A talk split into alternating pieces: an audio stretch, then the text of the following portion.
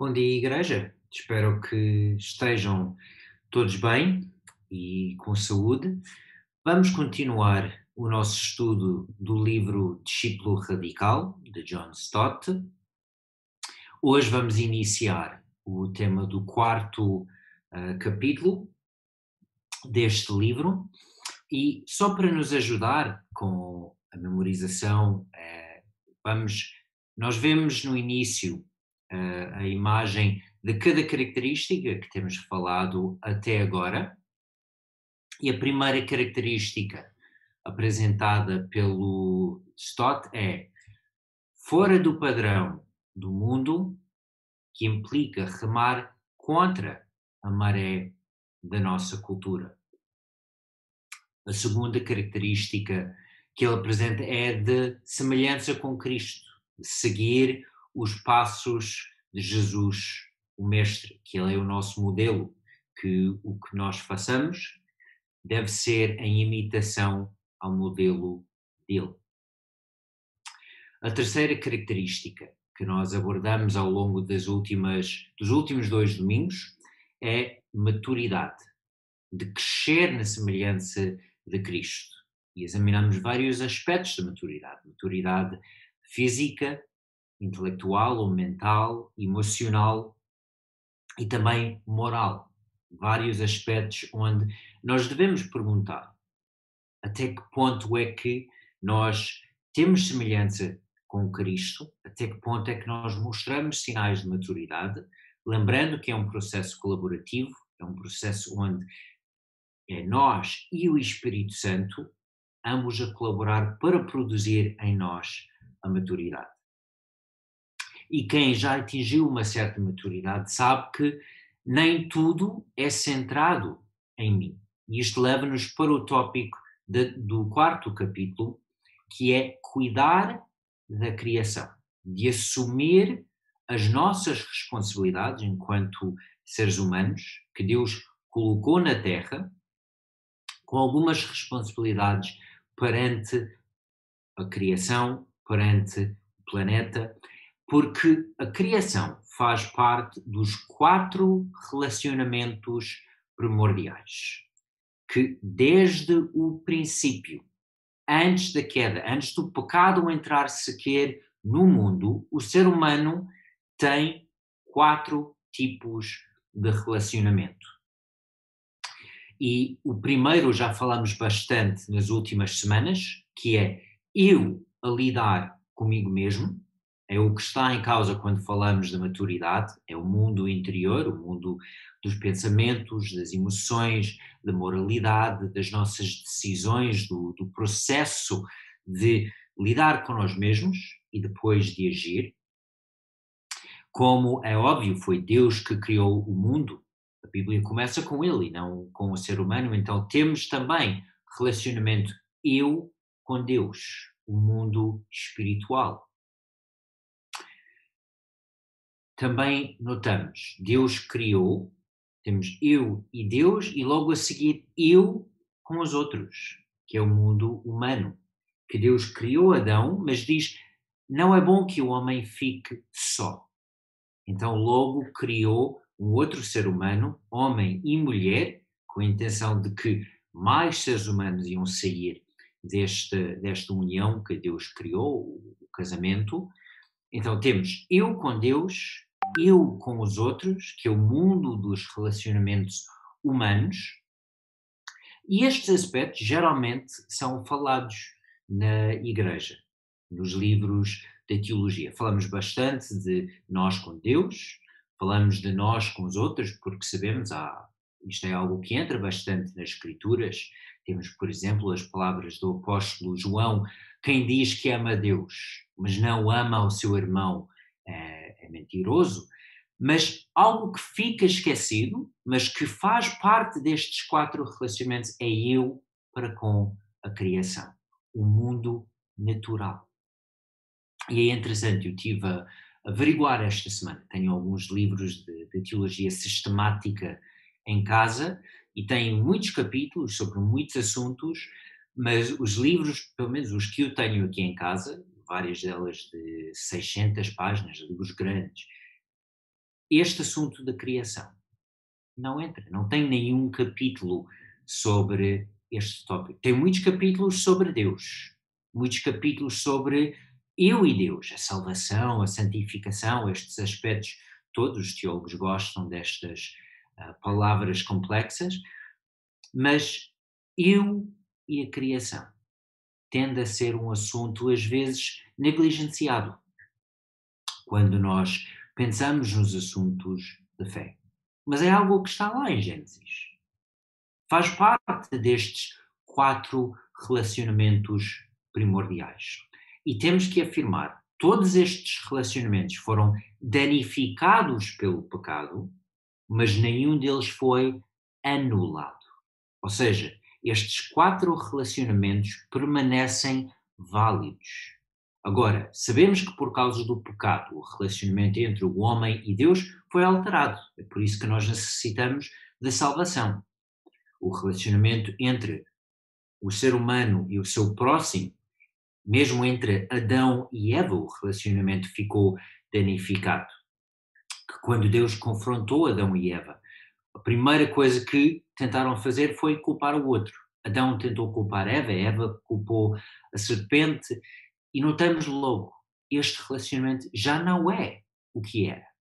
E notamos também que quando Deus fala das consequências do pecado, o relacionamento do ser humano para com a terra também foi alterado, mas não foi anulado. Então nós continuamos a ter responsabilidade para com a criação. A vida do ser humano tem impacto neste planeta. E nós temos responsabilidades que não podem ser esquecidas, não podem ser postas de lado, e é algo que vale a pena contemplar hoje. O discípulo de Cristo. Quais são as nossas responsabilidades no que diz respeito ao cuidar da criação? Este mundo belíssimo e maravilhoso que Deus criou.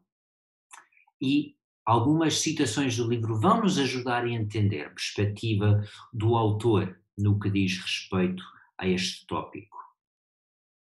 A primeira coisa que, que ele diz: Deus pretende que o nosso trabalho seja uma expressão de adoração e que a forma como cuidamos da criação possa refletir o amor que temos pelo Criador. Ou seja, nós amamos a Deus e é natural, nós reunimos todos os domingos para adorar a Deus. E adoramos de várias formas. Adoramos através da música, adoramos a ouvir a exposição da palavra de Deus e procurar obedecer. Mas por que não pensar na adoração também como cuidar da criação? Como os atos do dia a dia, os hábitos de vivência que podem ou não ter um efeito benéfico, ou pelo menos de não ter um, um efeito que danifica a criação. De cuidar deste mundo que Deus criou, que é belíssimo e que muitas vezes o impacto do ser humano danifica, estraga, em vez de cuidar. Uma outra frase. Por um lado, respeitamos a natureza porque Deus a criou. Mas não reverenciamos como se fosse Deus. Isto é algo que acontece em certas uh, religiões, particularmente uh, de várias zonas do mundo, onde existe Deus da terra, Deus da árvore, Deus disto, Deus daquilo, e sabemos que isto não é a verdade que a Bíblia transmite. Foi Deus que criou o mundo, o mundo não é objeto para ser adorado, mas infelizmente o outro extremo talvez é mais comum no meio cristão, que é ah, o mundo não é uma espécie de Deus, então vamos explorar a natureza. Que a linguagem que está em Gênesis, que o ser humano deve dominar a terra, uh, tem sido abusado por alguns. Alguns que dizem isto implica que eu posso tirar proveito da terra daquilo que eu quero. E, por um lado, é verdade, o ser humano tem que viver da terra, temos que produzir comida, mas creio que a exploração exaustiva já é um fenómeno constatável, é o que está a ser feito hoje em dia, é o que tem sido feito há várias décadas e que é, no que diz respeito à perspectiva cristã em, reação, em relação à criação, em relação ao mundo, não é uma opção válida, não é coerente para com a visão bíblica das nossas responsabilidades. E a conclusão de John Stott. Por isso, o relacionamento que deve existir entre os seres humanos e natureza é o de cooperação com Deus.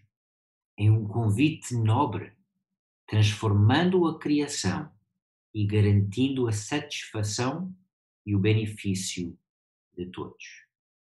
E quem entende a linguagem e a cultura do antigo Médio Oriente e analisa a linguagem de Gênesis 1 a Gênesis 3, vai notar que é precisamente esta ideia, a ideia colaborativa, de cooperação para com Deus. Deus colocou o ser humano, criou o ser humano à sua imagem, que nós temos uma certa responsabilidade no que diz respeito à terra e que nós temos que transformar.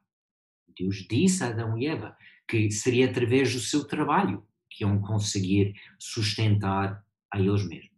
Então, tem que haver agricultura, tem que haver sustentabilidade da vida humana. Por outro lado, pôr em causa a sustentabilidade da vida de todos os outros seres vivos no planeta só porque para nós é bom e favorável e eficiente e desejável, creio que não é isto que faz parte da visão de Deus. Não faz parte de, daquilo que Deus pediu no início.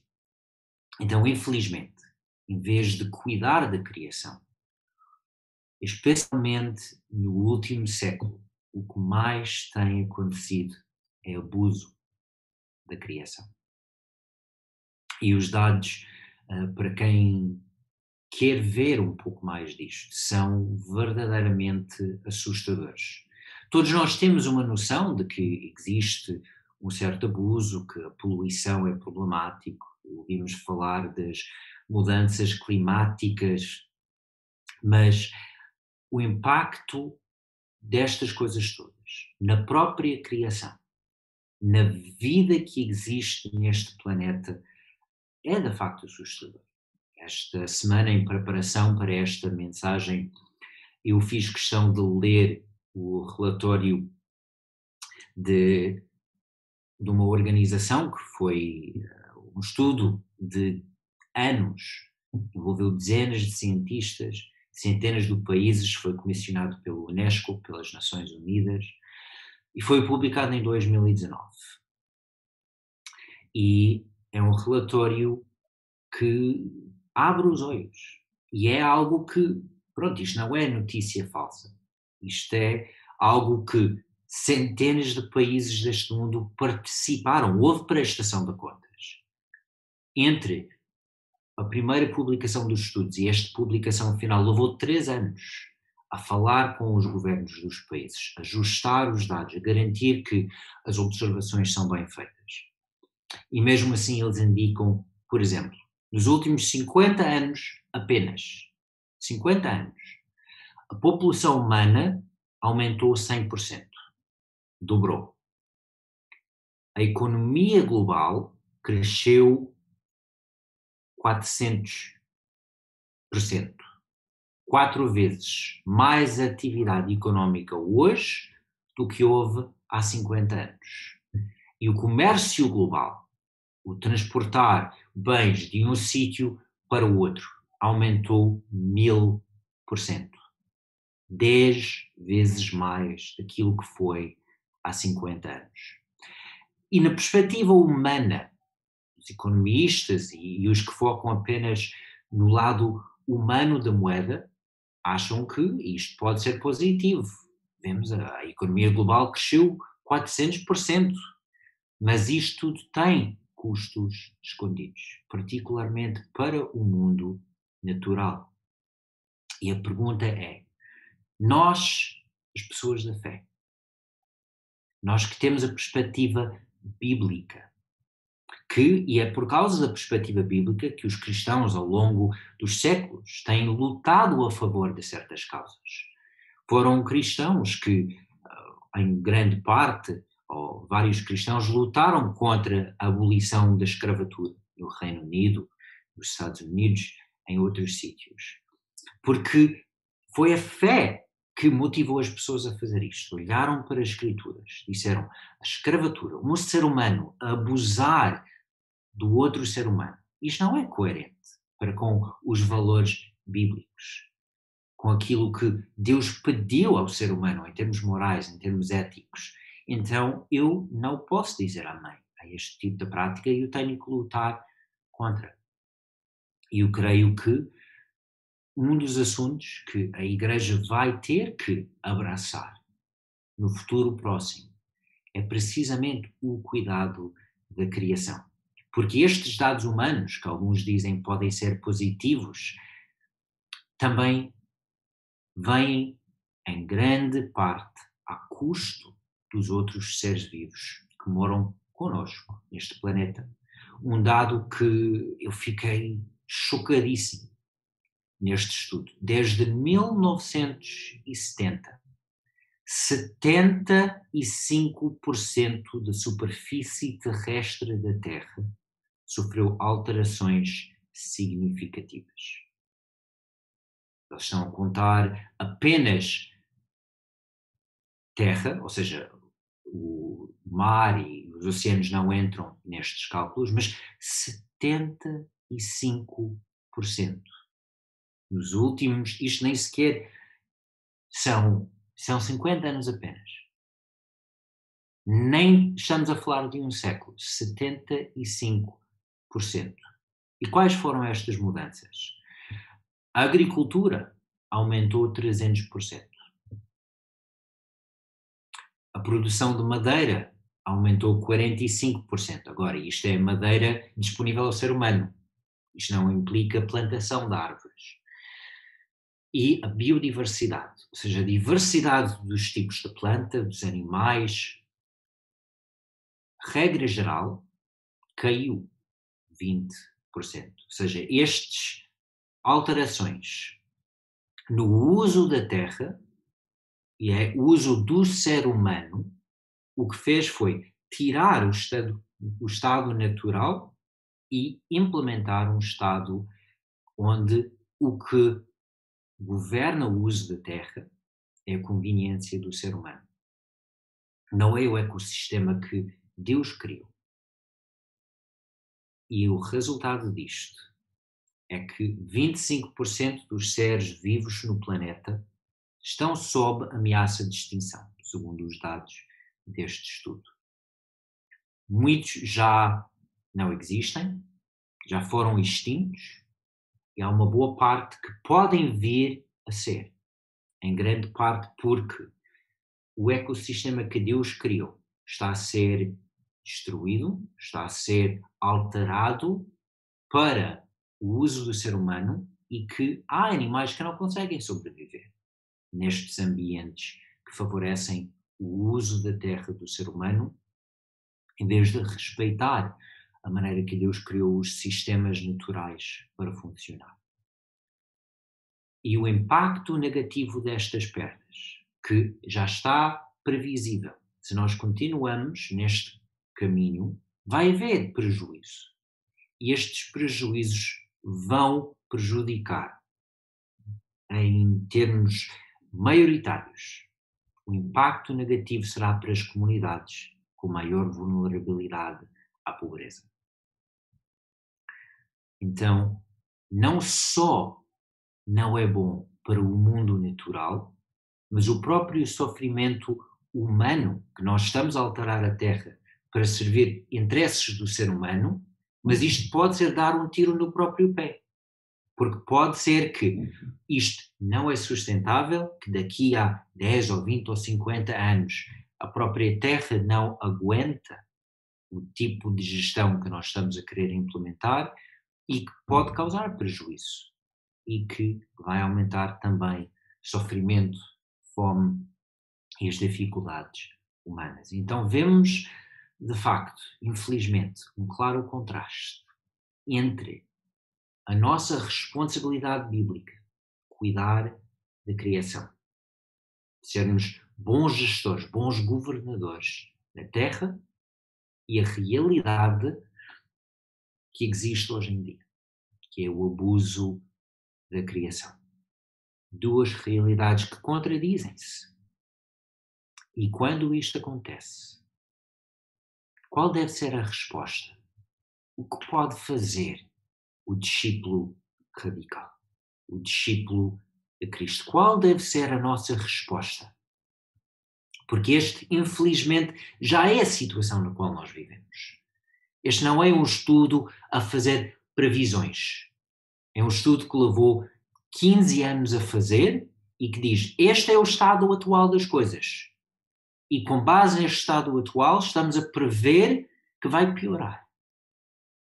Então, o que é que deve ser a resposta do discípulo de Cristo, de quem leva as Escrituras a sério, de quem leva a sério as suas responsabilidades dadas por Deus a nós, os seres humanos, coletivamente?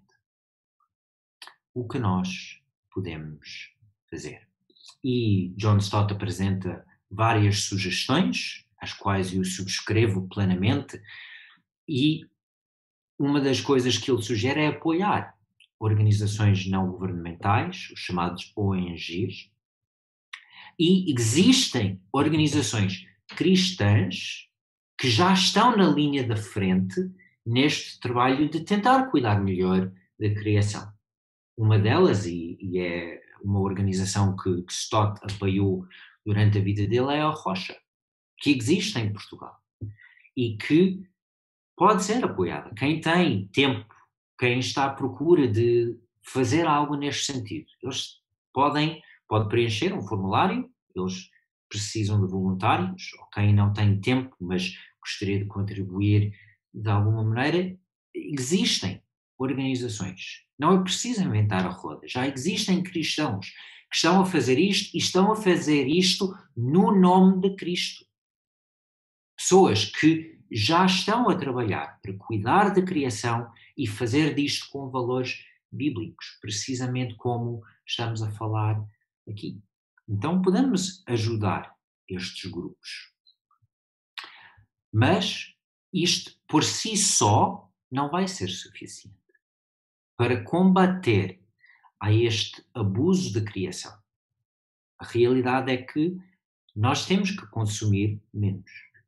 E consumir com mais consciência, com mais exigência. Quando eu falo exigência, é quando nós vamos consumir, procurar consumir coisas que são produzidas de maneira sustentável. Eu sei que isto é algo que a nossa sociedade fala bastante, mas é também algo que é coerente para com os valores da fé. E aqui nós devemos mesmo procurar, no que depender de nós, fazer a nossa parte para consumir menos e para procurar aquilo que eu vou consumir, o que é que eu posso fazer. Porque, infelizmente, o que faz mexer muitas empresas, o que faz mexer muitos sistemas à volta do mundo é o consumo. Mas sendo seletivo no consumo se nós conseguimos apoiar mais marcas e produtos que procuram ser sustentáveis na sua maneira de produzir as coisas, isto já é um contributo para mudar o sistema, para não apoiar aqueles que têm práticas abusivas. Implica investir um pouco de tempo, implica encontrar alternativas que talvez vão, vão ser um pouco mais caras, um pouco mais difíceis de encontrar. Mas, tal como nós devemos fazer um pouco de pesquisa quando compramos roupa, porque sabemos que existem marcas que produzem o que vendem com base no abuso das pessoas. E abuso de pronto, as leis laborais são produzidas em países que, que não têm uh, boas leis laborais. E nós cristãos devemos evitar isto, porque senão nós estamos a incentivar o abuso das pessoas. E da mesma maneira, devemos também procurar saber o que estamos a consumir. E será que isto está a ser produzido de maneira que danifica mais a terra, mais o meio ambiental, ou se nós podemos tomar escolhas deliberadas, mais responsáveis, para incentivar métodos e modos de produzir que são mais responsáveis. Devemos evitar o desperdício e reciclar o máximo possível. Eu fico contente, morando na Europa, cresci nos Estados Unidos, onde infelizmente a reciclagem quase não existe. Quando eu lembro-me em criança que eu queria participar em projetos de reciclagem e, e, simplesmente não foi possível. Não havia mecanismos para tal na zona onde eu cresci. Aqui em Europa, felizmente, nós temos ecopontos, nós podemos fazer a nossa parte, nós podemos tentar ajudar para usar os mesmos materiais várias vezes e assim reduzir o impacto negativo e também influenciar os outros a fazer o mesmo. E o importante aqui é fazer isto com alegria, não é fazer isto por sentido de culpa, porque culpa é uma motivação negativa. E não é o que nós vemos em Gênesis. Não foi culpa. Deus deu a terra ao ser humano, mesmo antes do pecado entrar. A terra é algo para que Deus criou para sustentar a vida. E Deus criou diversidade da vida neste planeta. É uma alegria podermos colaborar com Ele para cuidar deste bem que nós temos, que Ele criou, que é bonito, que é fantástico e para garantir que é sustentável, tanto para mim, como para os outros seres humanos, como para os outros seres vivos que Deus criou. E fazer isto com alegria, porque com culpa não, não vamos longe. E creio mesmo que estes atos, estas sugestões práticas feitas pelo Stott, feito por outros cristãos, que nós devemos encarar estes atos, não apenas como uma espécie de dever, dever cívico, dever humano, mas como um ato de obediência espiritual. Porque, tal como nós vemos, amar o próximo, cuidar dos outros seres humanos, como um ato de obediência espiritual, é algo que Deus manda-nos fazer. João diz: quem ama Deus e não ama o próximo, algo ali não bate certo. Da mesma maneira, quem ama a Deus, mas não cuida da criação, também há algo ali que não bate certo. Então, devemos encarar cuidar da criação, fazer a nossa parte e ajudar os outros a fazer a sua parte, como um ato de obediência. E isto aponta-nos já para o assunto do próximo capítulo, que vamos abordar para o domingo que vem, que é a simplicidade. Muitas vezes este consumir menos, consumir melhor, passa pela simplicidade como um estilo de vida. E pode ser algo tão simples quanto quando vamos ao supermercado, procurar comprar produtos que foram que são produtos de Portugal ou de Espanha ou de um outro país vizinho, em vez de comprar algo que é do outro lado do mundo e que foi enviado para cá no avião ou, ou no barco. Às vezes não é, não é sempre possível fazer estas escolhas, mas quando podemos cultivar a simplicidade, se podemos comprar uh, menos, em vez de sempre ter coisas novas, ter coisas boas, coisas que duram mais tempo, a simplicidade é bom para nós, ajuda-nos a combater o materialismo e o narcisismo e algumas destas tendências que fazem parte da nossa sociedade mas que não são coerentes para com a mentalidade bíblica e também ajudam a cuidar da criação. Então vamos encerrar com esta citação de Deuteronômio. Os céus e tudo o que eles encerram pertence ao Senhor, teu Deus, bem como a terra e tudo o que nela existe. Então, se Deus criou a terra, se Deus criou os seres vivos nesta terra, se pertence a Ele, se amamos a Ele e se amamos a Sua criação, temos que cuidar melhor. Infelizmente, os padrões que foram cultivados ao longo dos últimos 50 anos não são sustentáveis. Têm que mudar. E só vão mudar se são as pessoas a insistir que isto muda. Porque senão os negócios, as grandes empresas, os políticos tendem a valorizar apenas aquilo que as pessoas obrigam-lhes a valorizar. Quando algo faz parte dos nossos valores, enquanto população, enquanto maioridade, daí é que, infelizmente, os outros prestam atenção. Então, vamos trabalhar para tornar isto uma realidade no futuro próximo. Porque é isto que as Escrituras dizem. A questão é: a nossa vivência diz Amém. Amém sendo uma palavra hebraica que também é usado no, no, Novo Testamento, até transliteraram para grego em vez de inventar uma palavra nova, que diz assim seja. Mas se eu vou dizer amém, se eu vou dizer assim seja, as minhas ações têm que ser coerentes para com este versículo. Os seus e tudo o que eles encerram pertence ao Senhor, bem como a terra e tudo o que nela existe. O Senhor, meu Deus, a quem eu amo.